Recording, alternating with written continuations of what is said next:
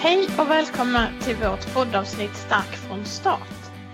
Den här podden är en del av projektet Stark från start som finansieras via Europeiska jordbruksfonden för landsbygdsutveckling. Syftet med projektet är att sprida kunskap från tidigare projekt till exempel fruktsamhetslyftet och smågrislyftet. Vi har även erfarenheter från handlingsplan gris. Och därför har jag, Helena Karlsten och min kollega Jenny Bengtsson hållit kurser på flera ställen i landet och även eh, över nätet i så kallade webbinar. Nu gör vi en podd med praktiska exempel på hur kunskapen som vi har förmedlat under kurserna används ute i besättningarna. För att få in ännu fler erfarenheter så har vi bjudit in Kajsa Rutu Sybén. Och vi jobbar alla tre som djurhälsoveterinärer på Gård och djurhälsan. I kursen Stark från start så började vi med att fokusera på gyltan. En av våra kollegor har ett exempel på en besättning där man arbetar aktivt med att gyltorna ska vara i god kondition när de grisar in. Det är en besättning som föder upp eh, gyltorna i slaktsvinsboxar. Men för att få en bättre miljö och jämnare tillväxt så har de anpassat beläggningsgraden i boxarna. De har också anpassat foderstaten. För som vi alla kommer ihåg så är en gylta inte ett slaktsvin utan ska växa sin egen takt. De har dessutom köpt en våg för att komplettera ögat och hålla koll på gyltans utvecklingskurva. Det är ju väldigt viktigt med rätt gylta in för att hon ska, sen ska hålla som sugga.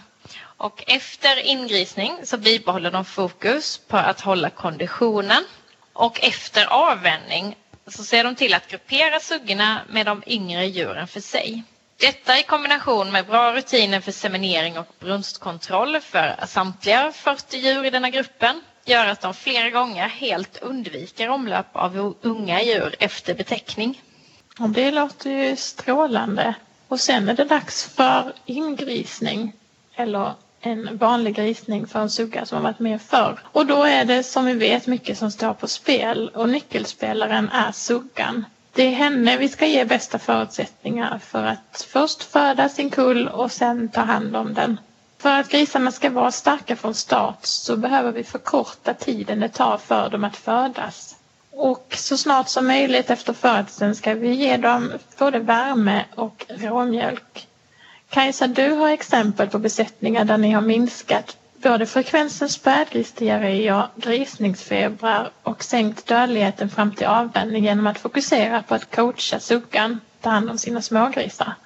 Ja, men det stämmer Helena. Och jag har fått ett nytt talesätt på köpet. Happy Mama, Happy Baby. Jag har tillsammans med en av våra produktionsrådgivare, Camilla Hallgren, och eh, med veterinär Lena Eliasson Stelling jobbat med rådgivning på gårdar där vi genom att fokusera på att underlätta för det naturliga hormonella samspelet som sker inuti suggan både inför och under grisning kunnat underlätta förlossning och digivning. Och då har vi till exempel tittat på rutiner före och efter grisning som till exempel möjligheterna för suggan att utföra sitt naturliga påbyggnadsbeteende, hantering av smågrisar med mera.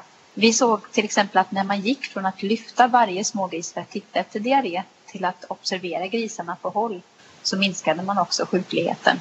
Och en aspekt som vi såg var väldigt viktig var just att skapa lugn och ro i grisningsavdelningen och minska stressen för sugga och smågrisar. En hög ljudnivå i avdelningen och många störningsmoment i boxen gör det svårare för suggan och smågrisarna att få digivning att fungera. Apropå digivning så har jag funderat lite kring tiden efter förlossning även eh, för oss människor. Jag har flera i min omgivning som nyligen har fått barn och jag är egentligen inte så mycket för jämförelse mellan människa och djur eftersom man inte rakt av kan säga att djuren vill ha det precis som oss människor. Men i vissa exempel går att överföra och ett sådant är hormonspelet kring digivningen. Det är ju inte bara till att öppna en kran efter förlossningen och så är mjölkproduktionen igång. Det gäller ju att underlätta för hormonspelet, inte motarbeta det. Och så är det ju det där med lugn och ro, precis som Kajsa pratar om. De allra flesta kvinnor går ju gärna lite åt sidan när det är dags att amma sitt barn, både för sin egen skull och för barnets. Så återigen, lugn och ro i grisningsstallet. Ja, precis. Vi såg stor effekt av att försöka minska springet i grisningsavdelningen. Att, för, att se vilka arbetsmoment som kan göras under samma runda ju färre gånger man går in i boxen desto bättre. Och att tänka på att inte slå i dörrar eller skivor eller tak. Och har man dessutom hörlurar med radio på sig, med radion på i, så hör man inte hur mycket oväsen det blir av arbetet. Och man hör inte heller om en sugga eller smågris behöver hjälp eller om det händer något i avdelningen. Så jag skulle säga inga lurar på med radion i under grisning. Det låter ju enkelt. Lite halm och lugnare arbetsmiljö. Men är det så enkelt? Det intressanta är att vi har gjort det här i besättningar med olika slags grisningsbox och olika förutsättningar utan att de har investerat i att bygga nytt eller bygga om.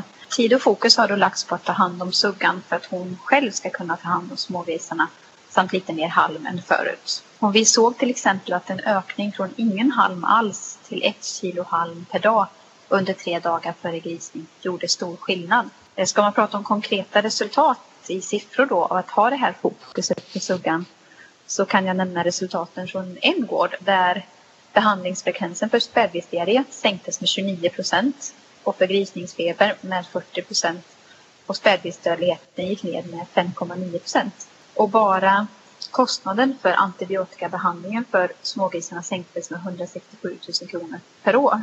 Och förutom det här så var det mycket nöjdare suggor som inte visade samma stressbeteende som tidigare. Och djurskötarna var väldigt nöjda med att arbeta på det här sättet.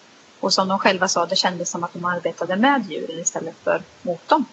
Under våra kurser så har vi pratat mycket om vikten av att inte störa suggan, precis som du nämner nu Kajsa. Men samtidigt rekommenderar vi skiftesdigivning för att säkerställa att alla, även de minsta grisarna, får råmjölk. Att hitta ett sätt som fungerar i den egna besättningen är viktigt utan att man för den skull stänger bort smågrisarna för länge från suggan. Ja, vi har ju flera exempel på besättningar som har provat skiftesgivning och ett av dem är en besättning där man redan hade arbetat med att minska stressen hos suggorna och förebygga nedkylning av smågrisar genom strategisk halmning dagarna kring grisning. Eh, man ville prova att ytterligare sänka spädgrisdödligheten och testade skiftesgivning. I det fallet användes avsågade plaströr där man la de största grisarna medan de små fick tillgång till djuret. Och det är ju en lösning som man kan använda sig av som inte slamrar så mycket och det är lätt att göra rent plasten mellan omgångar. I den besättningen som använder rören så ligger man stadigt på en halv gris extra ovan per kull. Och det som man själv ska ta med sig är att digivningen måste bli av när man ger smågrisarna tid vid djuret. Man ska se till att de verkligen får i sig den viktiga mjölken och suckan. Då har vi bockat av eh, råmjölken eh, som den lilla grisen behöver som Helena sa i början. Då är det värme som den lilla grisen också behöver. Och då pratar vi om 30 till 33 grader eh, i, i smågrishörnan. Väldigt viktigt också att det är dragfritt. Alla har vi exempel på att tillräckligt med värme, både genom ökad mängd strö i grisningsboxen i samband med grisningen och genom att komplettera smågrishörnan med tak, att det ger effekt. Men Kajsa, du hade ett exempel på en besättning som istället kompletterade taket med lampa. Ja, precis. Den besättningen hade problem med nedkylda smågrisar som inte hittade till smågrishörnan som hade just tak men inte lampa. Och de behövde stänga in grisarna flera dagar i rad i smågrishörnan för att få dem att börja söka sig dit. Sen installerade de en lampa som komplement till taket och då började majoriteten av smågrisarna ta sig till hörnan på egen hand. Och det här minskade både arbetstiden för att stänga in smågrisar och man behövde inte störa suggan lika mycket. Och då blev heller inte smågrisarna lika nedkylda och inte lika mottagliga för sjukdom. Så antalet som drabbades av spädgrisdiarré minskade. Smågrisarna sökte sig helt enkelt till den varmaste och ljusaste platsen. Så där fick vi facit.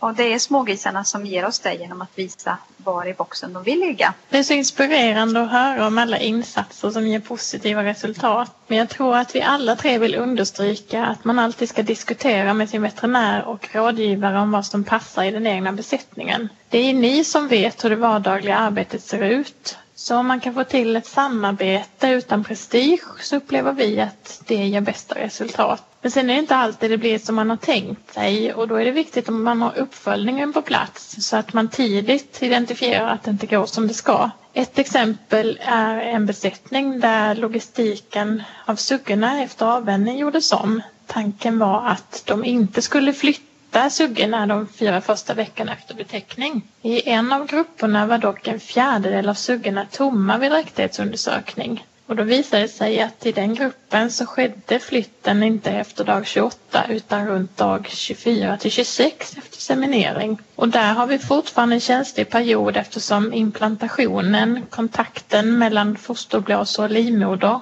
eh, etableras. Och då är det stor risk att om den störs så tappar man foster och kan förlora hela dräktigheten. Så sannolikt var det orsaken. Så man kan aldrig vara för noggrann inför att ändra rutiner och det är viktigt att ni kommer med den praktiska aspekten eh, som kompletterar oss som kommer med studieerfarenheter från andra besättningar. Vi hoppas att vi genom denna podd har inspirerat er till att våga testa att förändra era rutiner med stöd av kunskapen från de studier och erfarenheter som vi har försökt att förmedla. Målet för oss alla är att få grisar som är starka från start så att vi kan vänja av robusta grisar som inte behöver varken zink eller antibiotika. Flera studier visar att en tyngre gris klarar avvänjningen bättre. Ja, så om ni känner att ni har fått tid över i BB att ha ändrat rutinerna där så kan ni gärna väga kullar inför avvänjning för att se om allt ert arbete resulterar i en tyngre gris i avvänjningen. Och mer om utmaningarna kring avvänjningen hoppas vi kommer framöver, så håll utkik. Och så vill vi passa på att säga stort tack till alla som har varit engagerade i Stark från start. Allt från aktiva och frågvisa kursdeltagare till våra kollegor som ligger bakom många av de projekt som vi har pratat om här. Hoppas att vi hörs igen. Hej då! Hej då!